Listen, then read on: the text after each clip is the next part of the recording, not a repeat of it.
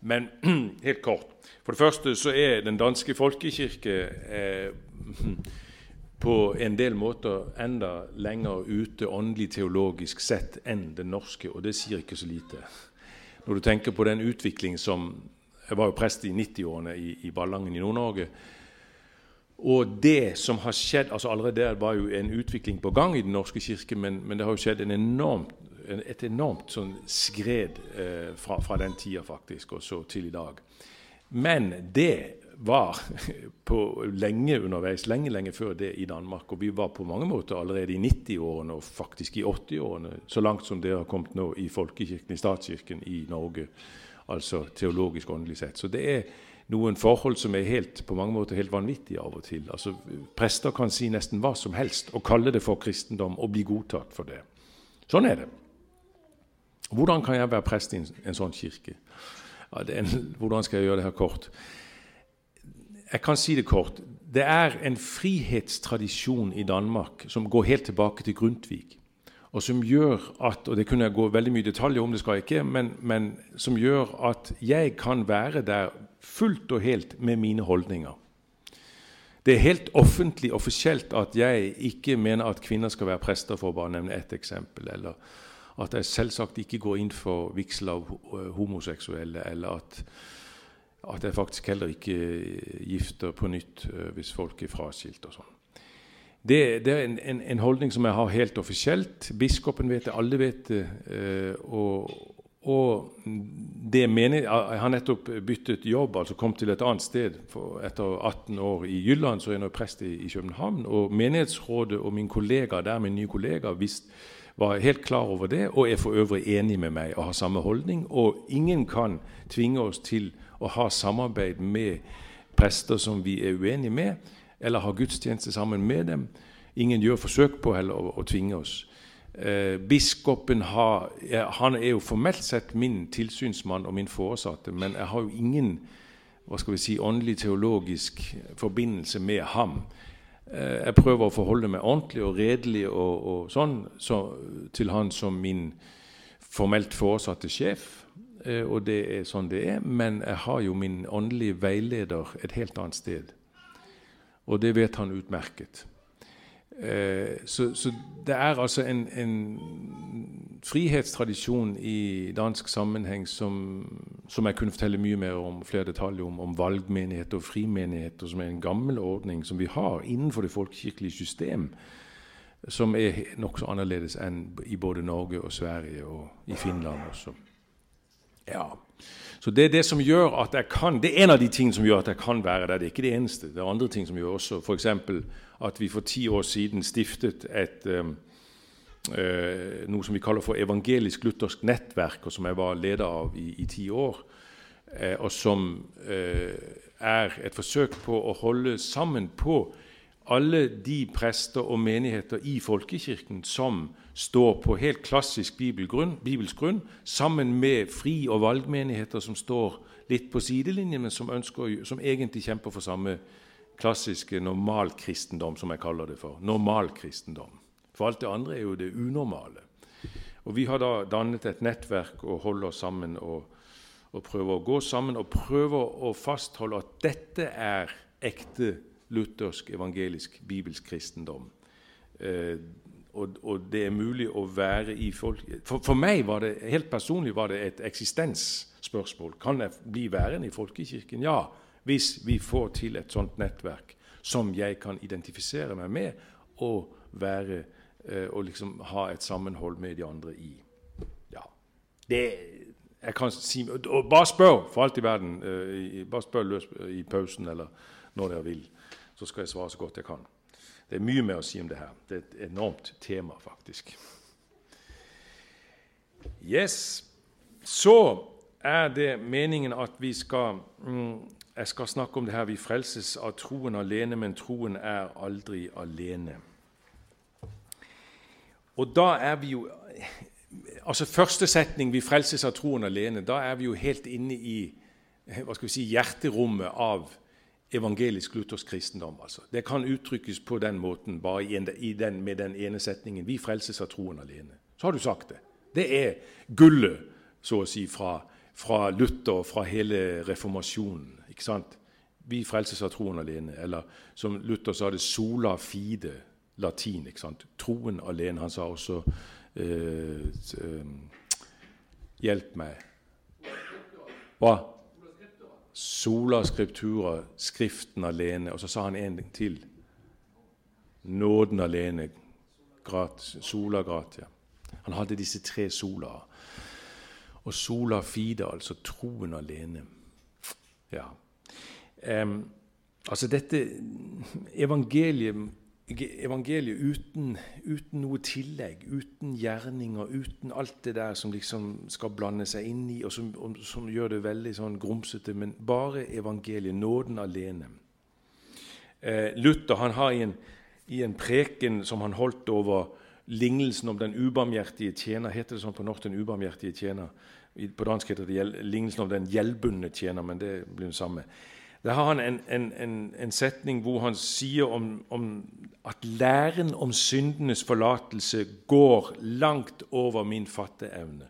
Og så sier han Skal vi se om jeg har det på uh, Har vi det Jeg tror kanskje jeg har det der.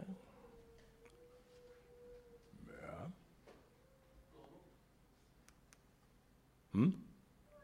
Yes. Nei, ikke den. Ok, ta den vekk. Uh, det er litt for tidlig. Nei, han sier sånn her Ingen skapning klarer å se hvor uendelig langt mine synders tilgivelse rekker. Tilgivelsen er uten grense. Den når høyere enn alle himler og dypere enn helvetes avgrunn. For Han som tilsier meg syndenes forlatelse, er stor og uendelig. Bare, jeg, kunne, jeg kunne jo bare tatt 100 andre sitater av Luther som, hvor han liksom, altså, får uttrykt hvor fantastisk eh, og, og, grenseløst og enormt dette nådesutsagnet, nådesutsagn, eller denne nådesvirkelighet, er tilgivelsen. Og Det er det som jeg sier, det er gullet fra, fra Luther og reformasjonen. Denne uendelig frie og grenseløse nåde og tilgivelse. Og Så kan vi ta eh, sitatet der, som jeg viste der før som er, som, som er et, et, uttrykk for den dristighet man veldig ofte finner hos Martin Luther i forlengelse av denne vidunderlige evangeliske forkynnelsen, hvor han til hans gode venn og, og medarbeider Melanchthon skrev i et brev i 1521, og det var i forbindelse med at Melanchthon han hadde tidvis, sånn som Luther og mange andre, hadde sterke anfektelser. Er jeg en god nok kristen? osv. Jeg prøver, jeg kjemper med synden, og jeg, jeg får det ikke til. Så skriver Luther til ham som en slags sånn avrunding. Så synd freidig, men tro og gled deg enda mer freidig i Kristus, for Han er seierrik over synd og død og verden. Så lenge vi er her, kan vi ikke unngå å synde. Derfor har vi tilgitt at det er danske sitater, men altså, det, skjønner, det er jo som bokmål. Synd freidig. Den var litt trist, ikke sant? Eller som det kan oversettes synd tappert, men tro desto tappere på Kristus. Um, men det er jo en vidunderlig frihet i det der. altså. Det, ikke, det, det der kan jo misbrukes med en gang. Synd freidig. Ok, ok, ja, men da, da går vi løs. Nei, men synd på, på, altså på på den dype anfektelses bakgrunn, å kunne si det der Ja, men så, så innse at du er en synder. Synd! Men tro og gled deg enda freidigere i Kristus. Det, er, altså det der er evangeliet satt helt ut på spissen. Det gjerningsfrie evangelium, som jo har blitt eh, kodeordet for sann luthersk kristendom. Og vi hører det tidlig og seint, og vi lever av det, og det går oss rett til hjertet. Men jeg vil tro at dere kjenner det her eh, når jeg sier det på denne måten, at vi hører det så mye i våre fellesskap og våre kretser at vi om og om igjen så, så kommer vi inn i diskusjoner og samtaler om det problem som heter gode gjerninger. For vi er vel ikke helt fri for dette med gode gjerninger. Altså, det, det, er vel et liv som skal leves, et kristent liv. Og faktisk så var det Luther som sa det der. Vi frelses av troen alene, men troen er aldri alene. Det er et Luther-sitat. Eller vi kan tenke på det som Paulus sier i Galaterbrevet, eh, kapittel 5. Der sier han noe som, som, minner veldig mye, som på en måte bare er en, en, variant av det som Luther sier. Eller kanskje er det Luther som er en variant av, av Paulus. Eh, Galaterbrevet kapittel 5, eh, vers 6. Og dere, vet, dere husker, Galaterbrevet er jo det brevet hvor Paulus gjør aller skarpest opp med de som vil innføre gjerningskristendom igjen i den kristne forsamlingen. Altså Vi har disse judaistiske, jødepregede kan man si, kristne i den galatiske menighet, som Paulus tar et enormt oppgjør med. Han er så skarp i det brevet som han ikke er noen andre steder. Han er rett og slett sint. Man merker det i brevet. Eh, så her har han et enormt oppgjør med, med, en sånn gjerningskristendom, et gjerningsevangelium. Men så sier han i kapittel 5, vers 6 For, og det er en slags konklusjon, ikke sant? for i Kristus kommer det ikke an på om en er omskåret eller uomskåret. Her gjelder bare tro, virksom i kjærlighet. Oi. Her gjelder bare tro. Ok, fin konklusjon. Men han tar det med virksom i kjærlighet. Selvfølgelig. Selvsagt. Som en helt naturlig, organisk, sammenhengende ting. Her gjelder bare tro, ikke alt det der med omskjæring og gjerning osv. Men tro virksom i kjærlighet. Selvfølgelig. Det er ikke uten det. Du kan tenke også på bergprekenen. Jesu bergpreken, Matteus kapittel 5-7. Hvordan har vi det med den når han sier 'elsk dine fiender'? Vær fullkommen som deres himmelske Far er fullkommen. Døm ikke, osv. Hvordan, hvordan, har vi det med, med, med, med, disse ordene av Jesus? Mener han det sånn rett frem at vi skal gjøre det der? Altså, han tenkte slik, eller, eller, er det på en måte hva, hva, er det for noe med bergpreken? Hvordan skal vi oppfatte den? Er det på en måte Ja, er det, er det liksom, er det gjerningskristendom? Hva er det for noe? Hvordan skal, den, hvordan skal, vi få den til å balansere sammen med det gjerningsfrie evangelium? Det er merkelig, sant? Det er rart. At disse gode gjerningene har blitt på en måte en litt sånn uhåndterbar sak i våres veldig sterkt evangelisk fokuserte eh, menigheter og, og, og forkynnelse og, og, sammenheng. Hvis jeg sier Børre Knutsen, så vet jeg hvem jeg snakker om. ikke sant? Han døde for var det tre år siden, eller noe sånt, tre-fire år siden. Han har betydd veldig mye for meg. Jeg var prest som sagt i Nord-Norge, og han var min sjelesørger og skriftefar. Han, da, var, da, bodde han der oppe i, i, i Malangen, eller, eller, hvor det var. Balsfjord.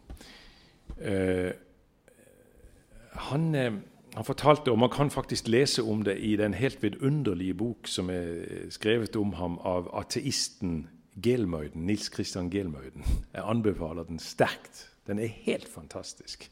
Morsom og utrolig velskrevet og vidunderlig å lese, faktisk. Man blir så oppbygget av å lese den. Ok, men Der kan man lese historiene. Men, men han fortalte en gang om hvordan, han, hvordan det gikk for seg at Børre Knutsen og da er vi tilbake i 1960-årene. Når han leste teologi, studerte teologi, så skiftet han faktisk over fra å begynne på Menighetsfakultetet i Oslo, og så gikk han over til Universitetet i Oslo. Og Det som skjedde, var at han, Børre Knutsen, han,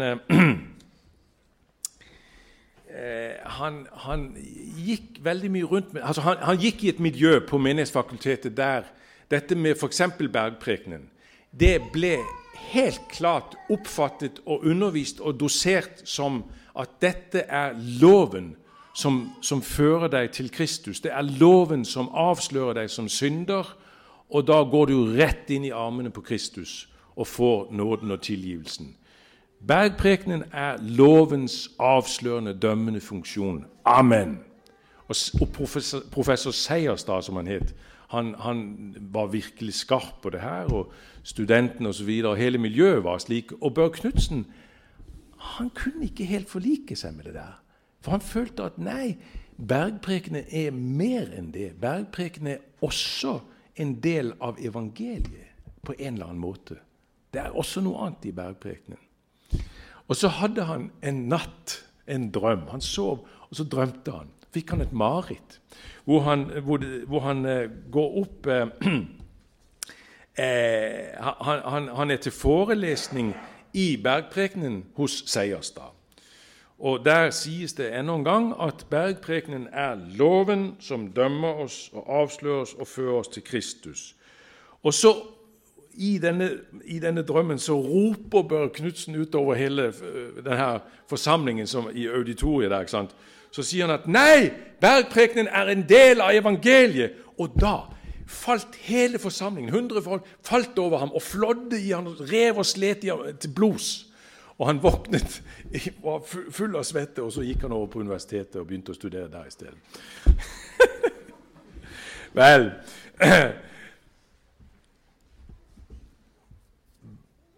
Hva er det her for noe? Jeg kan jo faktisk si litt grann, eh, i den sammenhengen også om eh, den folkekirkelige situasjonen i Danmark, som også her gir seg utslag på en, en, en trist måte. Fordi at i Danmark så har det blitt slik, i, i bred folkekirkelig sammenheng, at evangeliet faktisk har fått den funksjon at det liksom, den opphever enhver tale om loven og konkret kristen moral. Sånn har det blitt. Det er det som er den utbredte tonen blant prester og biskoper. Det fins ikke noe sånn konkret kristen moral uh, og, og, og, en, en, en, en sånn presis uh, lov for hva vi, må, hva vi, skal og hva vi ikke skal gjøre som kristne. Evangeliet er der, Guds kjærlighet er der, og, du, og, og, det på en måte fyller hele bildet. Jeg ble intervjuet for noen år siden i, i det som tilsvarer NRK, altså DR, som det heter. Og der var han Journalisten han var for øvrig, han hadde en, en, bachelor i teologi, så han hadde jo litt greie på det der. Og Så sier han til meg på et tidspunkt i intervjuet Jesus gir vel ikke særlig konkrete anvisninger på hvordan det kristne liv skal leves. Han talte jo i lignelser slik at det var opp til den enkelte å finne sin egen vei, sa han. Og Det som han sa der, var egentlig bare et, et speil av det som er helt alminnelig i dansk folkekirkekristendom, hvor det har blitt på en måte som en, en del av kristendommens DNA at det konkrete kristne liv, hvordan det skal leves, lydigheten mot Gud, det kan du ikke si noe bestemt om. Det må hver enkelt gjøre opp med seg sjøl Alt sammen er, Hele bildet er dominert av nåden og evangeliet og kjærligheten og syndenes forlatelse. Ferdig. Og så resten er opp til den enkelte. En, en, I Danmark har vi en, en dikter som er fra øverste uh, hylle. Søren Ulrik Thomsen. Jeg vet ikke om det, om, jeg tenker han er oversatt til norsk. Han er en av de ypperste vi har, og, og nålevende. Og han har, hans historie med troen er veldig interessant i seg sjøl. Han kom fra et nok helt alminnelig sånn sekularisert hjem.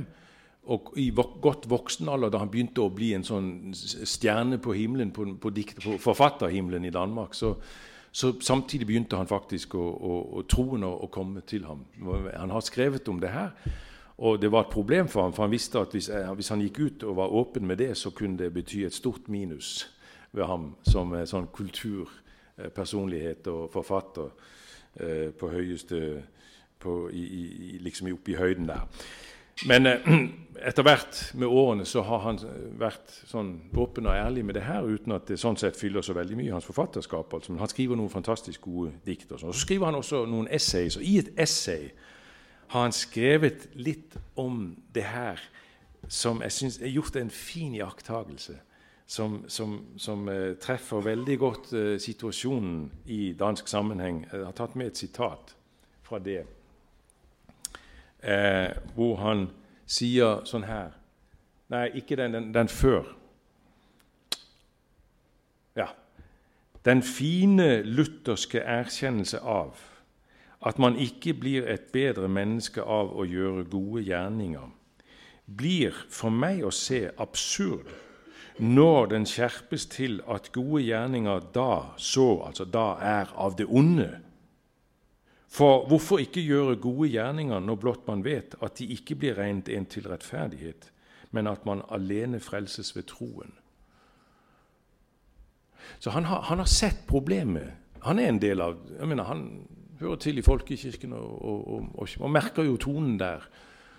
Og, merker hvordan det liksom har blitt nesten umulig å snakke om gode gjerninger. Men, men, men kan det være riktig, sier han. Kan det være riktig? Ja, nå, har jeg sagt litt om folkekirken, men, men, men, saken er jo den at mitt poeng er selvfølgelig at det er jo ikke bare i en dansk folkekirkelig og kanskje norsk folkekirkelig sammenheng at dette er et problem. Det har sin egen variant som et problem hos oss. Også hos oss som vil insistere på at det fins noe sånt som en konkret kristen moral, og vi vil jo absolutt si at selvfølgelig fins Guds lov der og har noe å skal si. Men også hos oss fins det en slags, en slags etterluthersk måte å problematisere de gode gjerninger på. Når vi f.eks., som jeg var inne på det før, leser Bergprekenen, og liksom får den lagt inn i et system som vi kaller for lov og evangelium. Og vi, vi legger den inn i dette systemet, og da er det klart at hvis systemet, hvis regnskapet skal gå opp, så blir bærprekenen til Jesu lovord, eller det blir liksom lovens ord, som avslører oss som syndere, og som fører oss rett inn i armene på Kristus. Det som jeg var inne på før. Jeg vil gjerne understreke at jeg er ikke i tvil om at vi er mange her som har en erfaring av at slik kan vi faktisk oppleve bergprekenens ord. Altså Når det står 'elsk dine fiender', da kan det jo treffe en rett i magen. Fordi at man for tiden går og har en fiende, kanskje i forsamlingen. Har en som man går og gnager på og småhater og er enormt sint på av en eller annen grunn. Og plutselig så står predikanten her, eller man leser i Bibelen hjemme, eller hva som helst, og leser 'Elsk dine fiender', man tenker du verden. Jeg er jo en enormt stor synder. Hva skal jeg gjøre? Gud, tilgi meg, forbarm deg over meg. Altså, da, da, da, er det loven ikke sant, som fører meg rett i armene på Kristus og selvfølgelig føre meg videre ut mot min fiende, som jeg skal elske. Men, men altså, så det er klart at den kan virke på den måten. Men hvis det blir et system, en, en slags Du kan kun lese bergprekenen på denne måten. Da er det noe som ikke stemmer lenger. Jeg kan si det på en annen, men kan stille det som et spørsmål. Mente Jesus ikke på alvor når han sa at vi skal elske fienden, eller at vi skal be for dem som forfølger oss, eller at vi skal ta ut bjelken av vårt eget øye før vi tar ut flisen av medmenneskets øye. Mente han ikke? Mente Jesus det bare sånn halvt om halvt? Mest som en sånn pedagogisk eh, metode som skulle, lede, som skulle hjelpe oss til å forstå at vi er syndere som har bruk for en frelser? Var det bare det han ville? Eller mente kanskje Jesus Mente han det bare slik at Jo, han vil, ja, selvfølgelig ville Jesus, ønsket Jesus at vi, vi, vi skal elske fienden, men, og, og, og, vi skal snu den andre kinn til og sånn, men vi skal ikke dømme andre, men vi skal ikke streve for hardt etter det, fordi det er klart at syndenes forlatelse er alltid der. De er jo alltid der. Så, så, så ikke strev for hardt. Var det sånn han mente det? Søren Kirkegård, den danske filosof og, og, og, store store tenker, og en av de eneste få dansker som er verdensberømt, han har en veldig fin eh, setning om det. Saken er ganske simpel. Saken er ganske enkel, sier han. Det nye testamentet er ytterst lett, enkelt å forstå. Men vi mennesker, vi er rett noen utspekulerte gaver. Altså, vi er, vi er noen tyver, noen utspekulerte tyver. Vi later som om vi ikke kan forstå det, fordi vi godt forstår at så snart vi forstår det, må vi også straks leve etter det. ja, kjenner dere det? Elsk dine fiender. Jo, jo, jo, det, det, det skal vi vel, det, men, men, men, men, men, men. Det kan vi jo ikke, og da er det godt at vi har Jesus. Det er en, sånn, sånn, en, liten, eh, en liten fin metode vi har der, som ikke er så fin. Hans Erik Nissen, jeg tror noen av dere kjenner det navnet. En danske som han døde vel for tre år siden, tre-fire år siden. og Han var eh, en, en, stor i mine øyne en stor evangelisk forkynner. En av de helt, helt aller, aller, beste, mest evangeliske predikanter vi, vi, har hatt i Danmark i mange år. Han har skrevet bøker. Det, han, han, for meg har han betydd veldig mye. Eh, og han var nettopp eh, i, hele sin, i, i, sin tilgang til alt så var han, det var liksom evangeliet foran først og sist, alltid. Desto mer opp og overraskende var det når, når vi var en, en, del teologer og noen andre som hørte ham i et foredrag si sånn her for noen år siden. Det største problem i kristenheten i dag er at vi tror at man kan være kristen uten gode gjerninger. Det største problem i dag er at vi tror at man kan være kristen uten gode gjerninger, sa han. Og han gikk, dag, han gikk så vidt at han sa hvis ikke du holder Guds bud, går du fortapt. Og så tilføyet han en forklaring. Han sa sånn her Det er forskjell på å holde og oppfylle budene. Vi skal ikke oppfylle budene, men vi skal holde dem. For det er ikke forslag. Det er bud. Guds bud som skal holdes. Slik sa altså en sterkt evangelisk forkynner, og han har rett.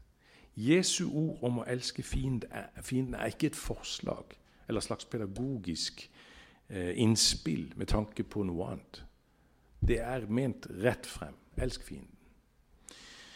Og Derfor så ble jeg veldig glad når jeg for, for, for, en del år siden begynte å oppdage at han som er selve symbolet på gjerningsfri evangelisk kristendom, Luther selv, at han har jo dette veldig klart og veldig ofte i sine skrifter, sine prekener osv.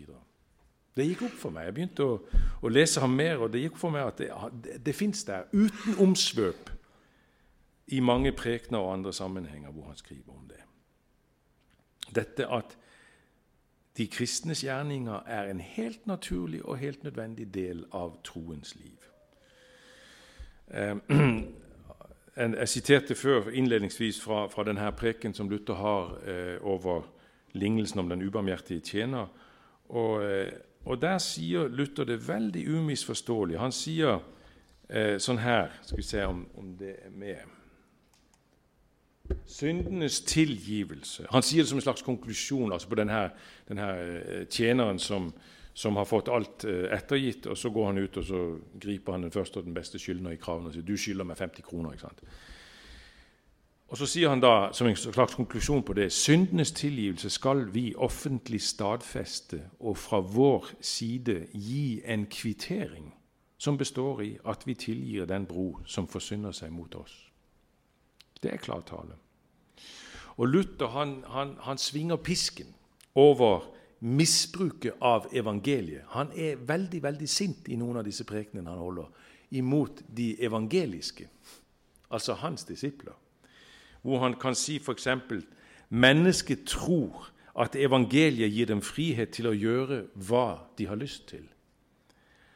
Og han, han, han sier i samme preken at han ville ønske at disse evangeliske kristne at de kommer under pavedømmens herredømme pave, pavedømmets uh, pisk igjen.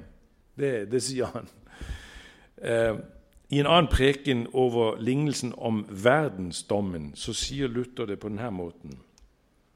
Derfor, hvis du ønsker å berede deg til den ytterste dag, altså forberede deg til den ytterste dag, så ta fatt, sett i gang.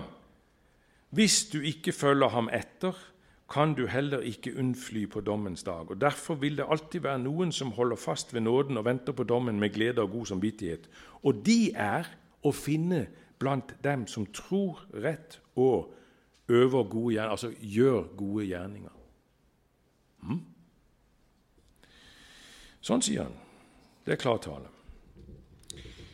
For meg var det befriende faktisk å møte det her hos Luther, fordi det helt enkelt stemmer mye bedre med Bibelens tale og med virkelighetens tale. Et evangelium som du hele tiden forsøker å, å, å holde veldig sånn renskuret fra alt som bare lukter av gode gjerninger. Og på en måte hele tiden eh, Altså si, det minste antydning av gode gjerninger må vi hele tiden bare skyve vekk og bort, og, og hele tiden evangeliet inn foran og bak. og hele tiden foran, sånn.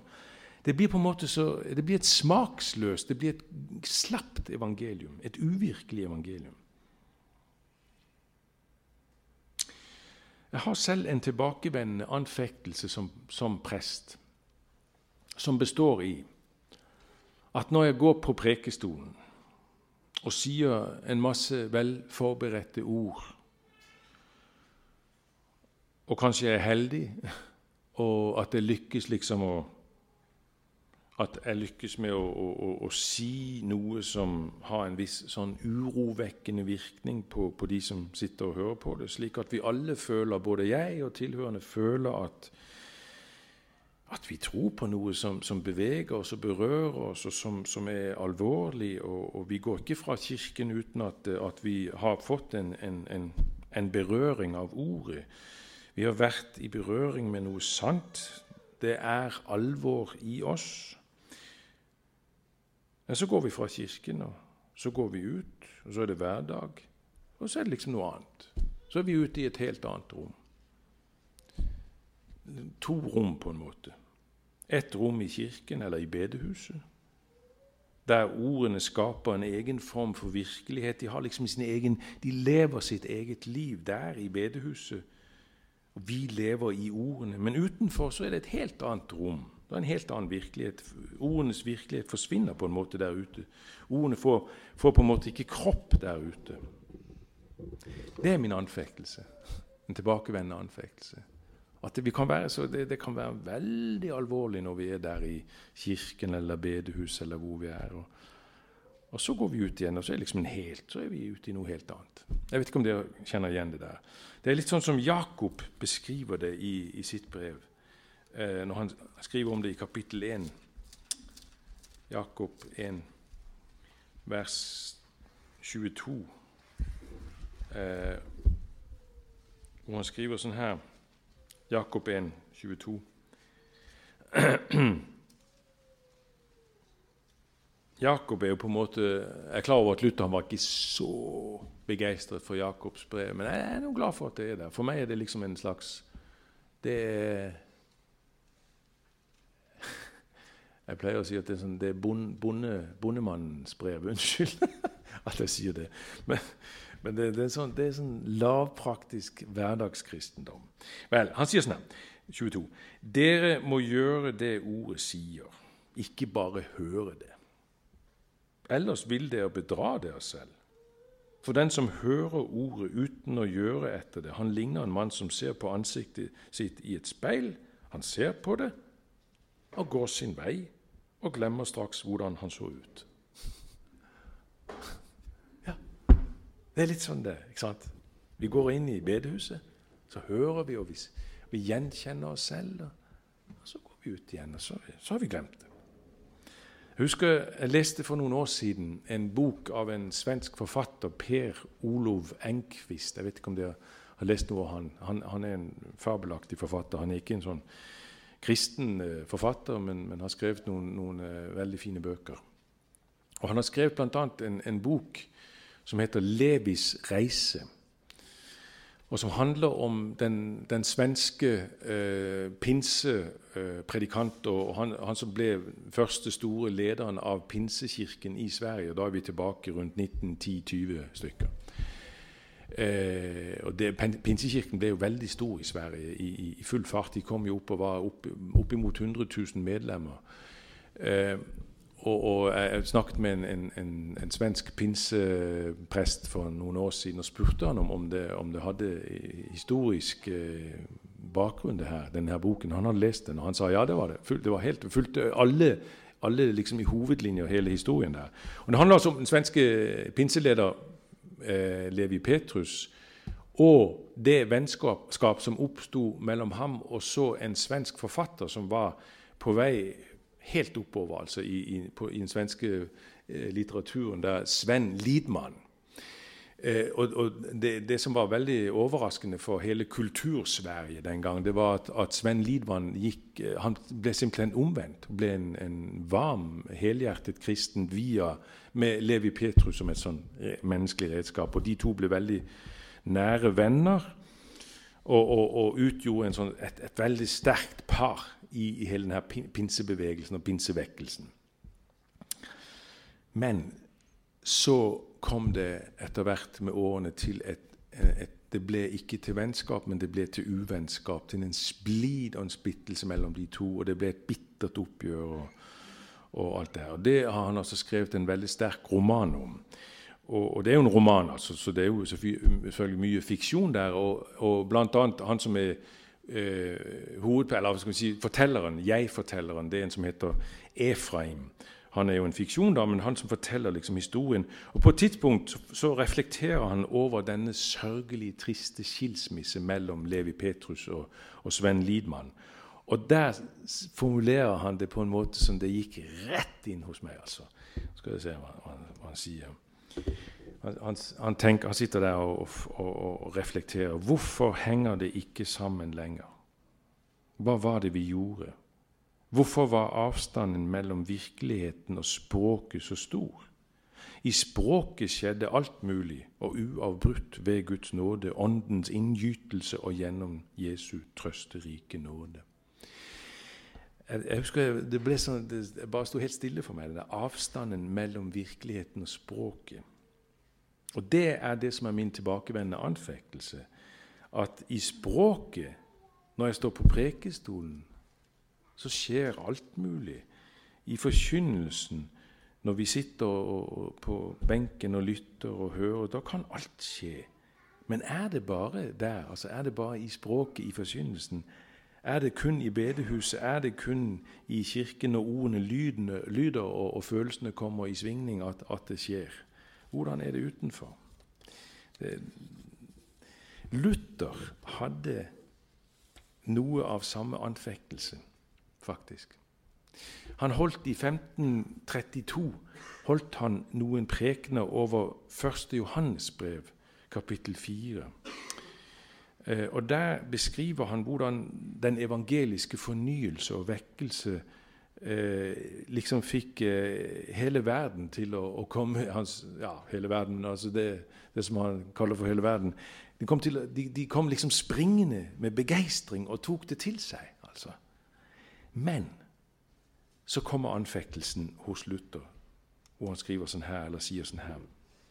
Men annet, altså annet, kommer det ikke ut av det. Og at det har vært falsk, viser seg ved at de ikke holder ut. Egensindige og stivnakkede faller de fra og danner kliker, splitter den rene lære av og den kristne kirke. Da er det slutt med det hele. Der er verken kjærlighet eller tro eller Kristus tilbake, kun hylster og tomme skaller. Alle roser de seg, altså alle skryter av evangeliet. Men hva ender det med? De blir ikke i kjærligheten. ja. Og, da, så beskriver Luther veldig konkret, med, med konkrete eksempler, hvordan evangeliske kristne blåser i nestekjærligheten. Og så konkluderer han vil du være en kristen da må du bli i kjærligheten på en helt annen måte, sånn at du gjør mot din neste det som du vil at han skal gjøre mot deg. Eh, skal vi se skal bare se at jeg ikke blir for lang, for vi skal jo ha kveldsmat også. Ok. Eh, prøv å se. Vi jeg tar bare det her fra, fra Luther et kristent menneskes frihet der han har to sånn hovedformuleringer. Kristen, en kristen er en fri herre over alle ting og ikke underordnet noen. Det er evangeliets frihet. Den er enorm. Men så kan han si, som den andre hovedsetning, en kristen er en tjenende trell i alle ting og underordnet enhver. Og dette henger fullstendig sammen. Ja, hvis jeg får lov, Kan jeg ta, kan jeg ta eh, syv minutter til? Er det ok? Ja, Er dere sultne? Ja, litt. Ok. Eh, jeg har bare lyst til å, å, å liksom ta en, en, en, siste bit hvor, jeg, hvor vi går nå, Jeg har lyst til å bevege meg litt vekk fra en, en, sånn kanskje litt teoretisk vinkel på det her. Jeg vet ikke om det har vært så teoretisk, men og til en mer praktisk vinkel. Det med å gjøre gode gjerninger i et praktisk hverdagslig liv. Hva betyr det i vårt liv? Luther, Luther hadde jo et, et, tema der han gjør saken om gode gjerninger der han gjør det til en veldig konkret sak. Og det er det som, Når han snakker om å leve sitt liv i kald og stand Kjenner dere det uttrykket 'å leve i kald og stand'?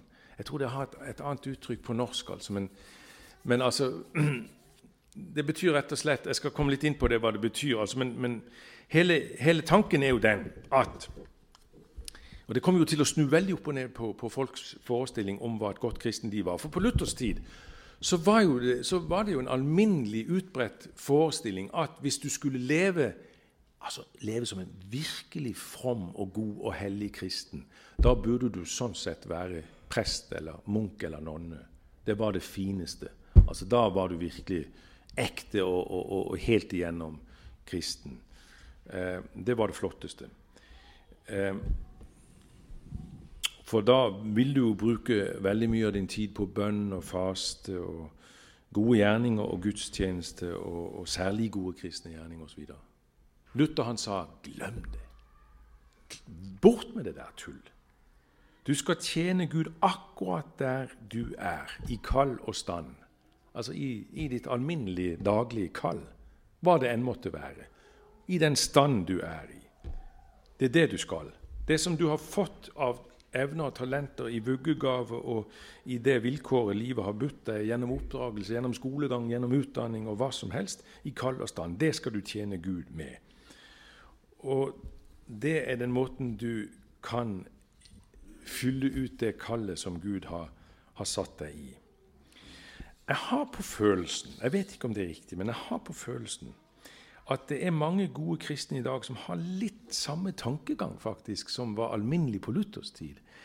Nemlig at vi, at vi er tilbøyelige til å tenke at der hvor vi mest av alt lever ut vårt kristne kall, det er når vi deltar i særlig kristelige aktiviteter. Altså når vi går inn og tar et medansvar i barneklubb eller barnekor eller styrearbeid, eller vi jobber med praktiske ting med å lage kaffe til møter, eller vi Alt mulig.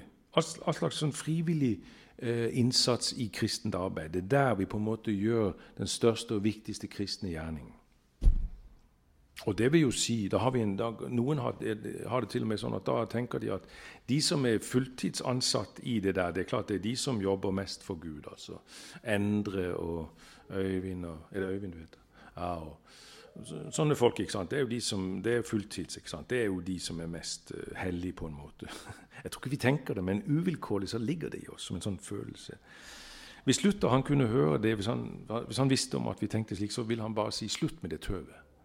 Selvfølgelig skal dere ta på dere å gå inn i tennklubb og barneklubb og barnekor og styrearbeid osv. Det er klart dere skal det. Det er helt nødvendig. Men tro ikke at dette er det helt særlige, Gud velbehagelige, det mest kristne og det mest avgjørende. Dere skal tjene Gud og mennesker hver dag i kall og stand. Og kall og stand, det er det som er ditt liv her og nå.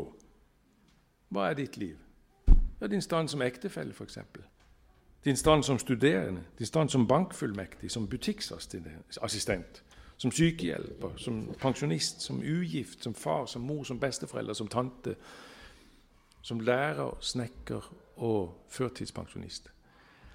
Luther sa en gang Gud melker selv kyrne gjennom en budeie.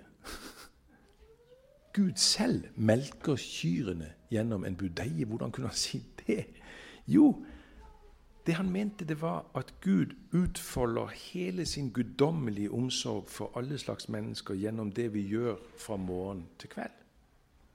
Gjennom vårt helt alminnelige arbeid, hverdagsarbeid, vårt hverdagsliv, gjennom vårt liv som venner, som naboer, som foreldre, som politikere, som hva som helst.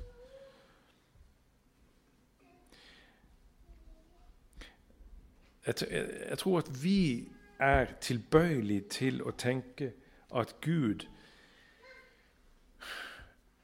mest av alt, og kanskje egentlig bare, er opptatt av én ting. Nemlig at mennesker må komme til tro på Jesus, bli kjent med Jesus, så de blir frelst. Punktum finale. Amen. Og Derfor så, så, forbinder vi jo det med de særlige kristelige aktiviteter som nettopp går, som dreier seg om det ene, og at mennesker må bli kjent med Jesus og må fortsette med å tro på Jesus. Og ja, det er Gud opptatt av. Det er altfor svakt å si han er opptatt av det. Han er totalt lidenskapelig brennende for det og ønsker at vi skal bli det samme. Og Derfor, vil, derfor er det enormt viktig med disse tingene med møte og gudstjeneste og tennklubb og bibelgrupper og studentlagsarbeid og kristendomskurs for ikke-troende, som jeg håper at dere har her fra Misjonssenteret, eller så må dere få satt i gang. Eller, eller hva dere nå skal for å nå ikke-kristne. Det skal prekes, undervises, inviteres, vitnes, bes, samtales, synges osv. i massevis for at mennesker må bli kjent med Jesus og bli frelst.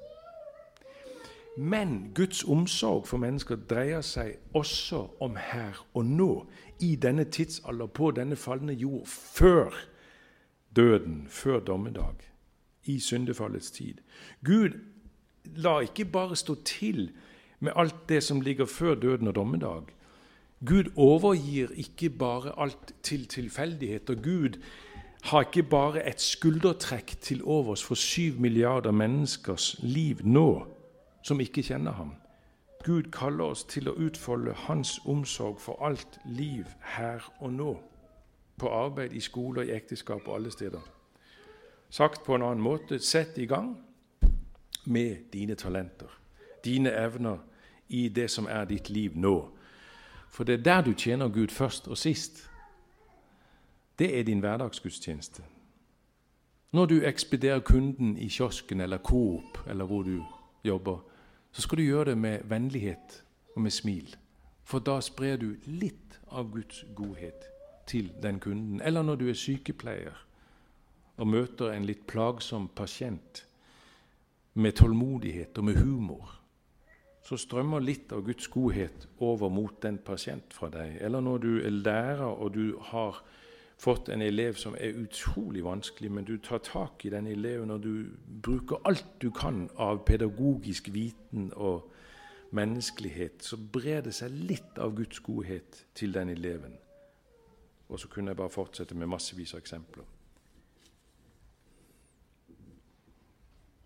Eh, der jeg var, hvor, jeg var prest før, så, så, eh, så hadde vi en, en, plan. Jeg vet ikke om de har realisert den nå, kanskje, men vi hadde en plan om at vi altså når, når, folk kom til gudstjeneste der, så kom de jo inn, og så, så hadde vi et par, alltid et par folk fra menigheten som sto der og sa velkommen. Vi kalte dem for velkommer og tok dem i hånden og liksom bare sånn åpnet. Men så hadde vi en plan om at vi, vi ville lage en sånn diger plakat eller stand, stander eller sånn som skulle stå der ved utgangen.